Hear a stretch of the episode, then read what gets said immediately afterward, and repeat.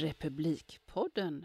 A lot of what we talk about when we come to conferences is how to get more funding, how to get more sponsorship, how to get more money, and if we're talking about audience development, how to get more people in order that we can carry on doing what we do. And I think I just want to say we need to stop and ask why we do what we do and whether it could be done in a better way. You know. And I'm not going to say a more efficient way because that makes it sound like it's about management and it's not. Um, it's about belief. I samband med nationella musikmötet i maj tidigare i år som arrangerades av Kultur i Väst passade vi på Republik på att träffa Steven Hadley som var inbjuden att invigningstala på mötet. Han är konsult i ledarskapsfrågor inom kulturlivet och doktorand vid Queens University i Belfast och är ganska kritisk till det vedertagna får man lov att säga. Han vill få oss som lyssnar och är intresserade att bli medvetna om vår egen del av upprätthållandet av strukturerna som även bygger kulturlivet. Eftersom medvetenhet är ett första steg till acceptans och kanske förändring. Vi ses för att prata om kulturen, publiken och arbetet med det vidgade deltagandet. Inom sin forskning intresserar han sig för den demokratiska idén inom kulturpolitiken om demokratiseringen av kulturen och vilken ideologisk funktion publikutveckling har.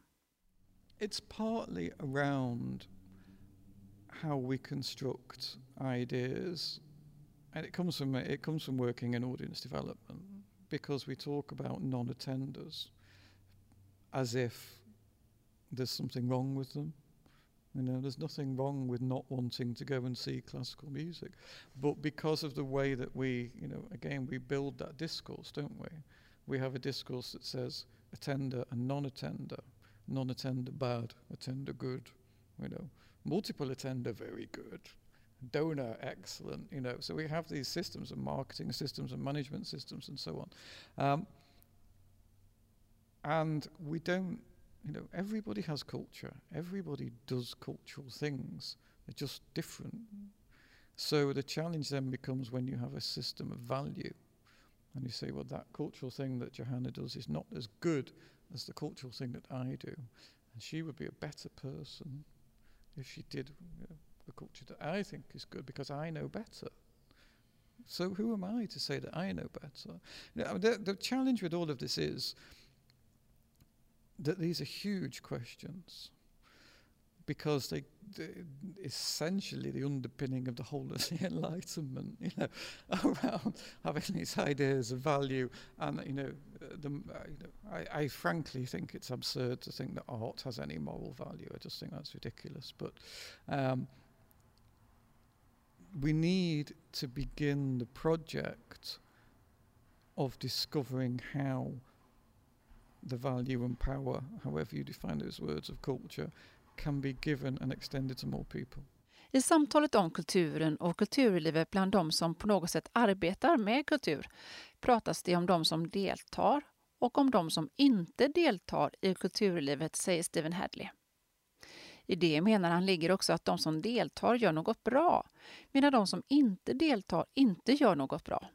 Det skapas en diskurs en idé och en värdering av de som deltar och de som inte deltar. Men alla har kultur, säger han. Utmaningen är att vi har ett värderingssystem som säger att den kultur som du håller på med är inte lika viktig eller värdefull som den kultur som jag ägnar mig åt. Eller att människor skulle vara bättre människor om de ägnade sig åt min kultur.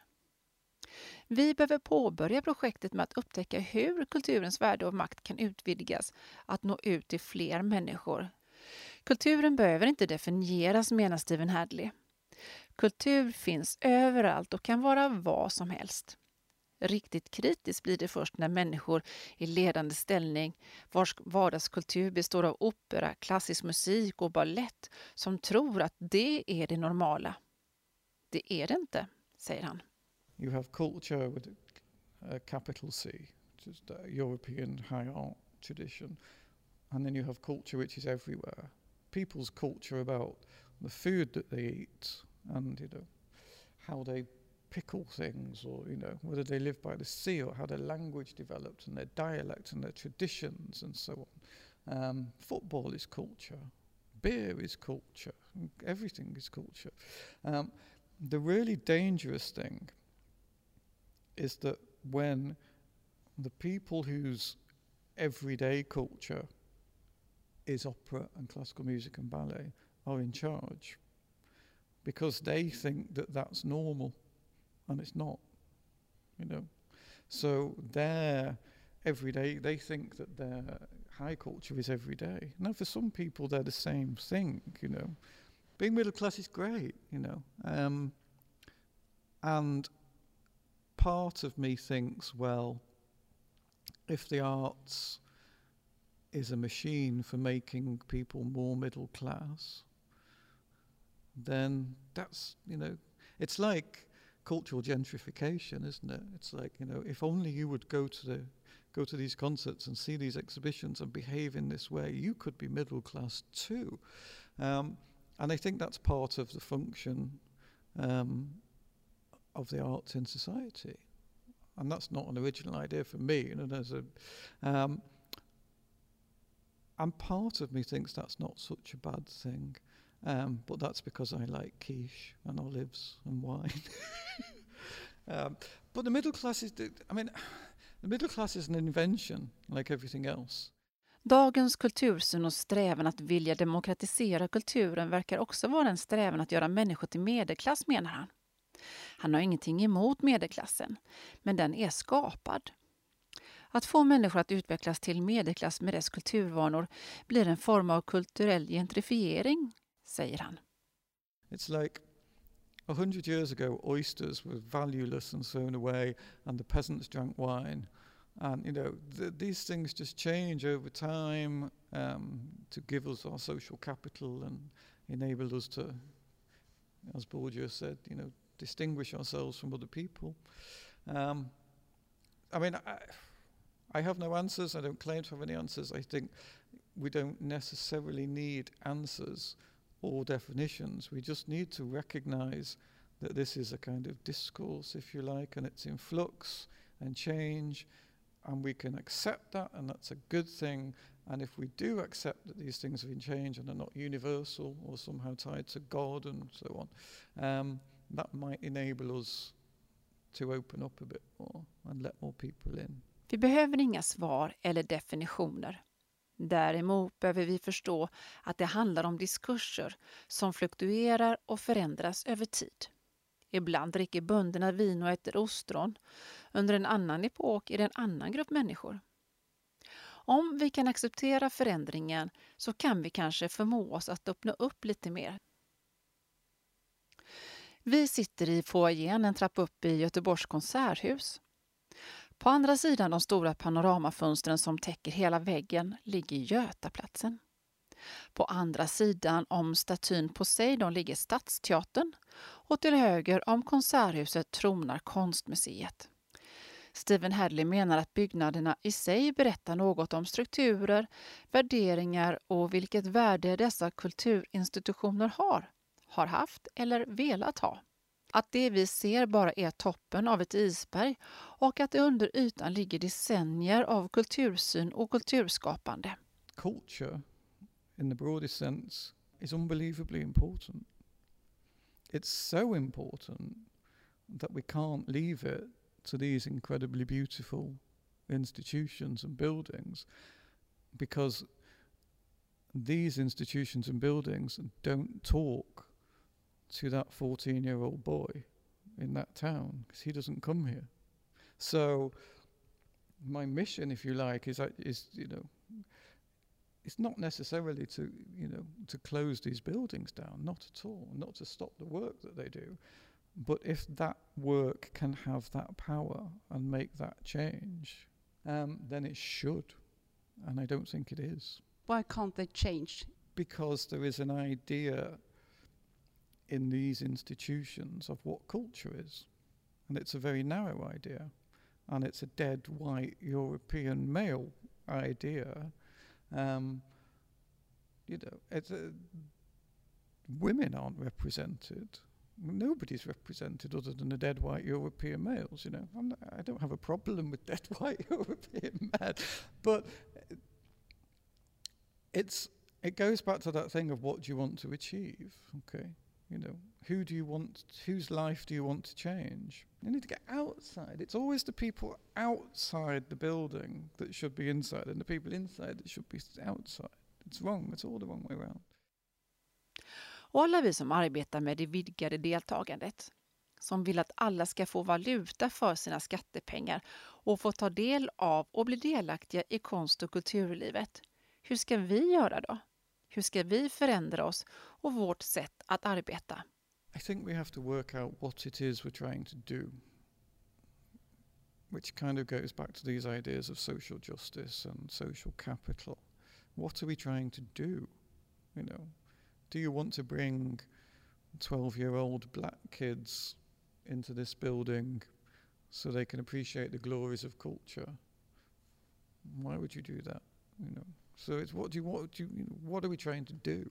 Um, I don't have the answers to that other than uh, recognizing the problems, and you can see those problems everywhere.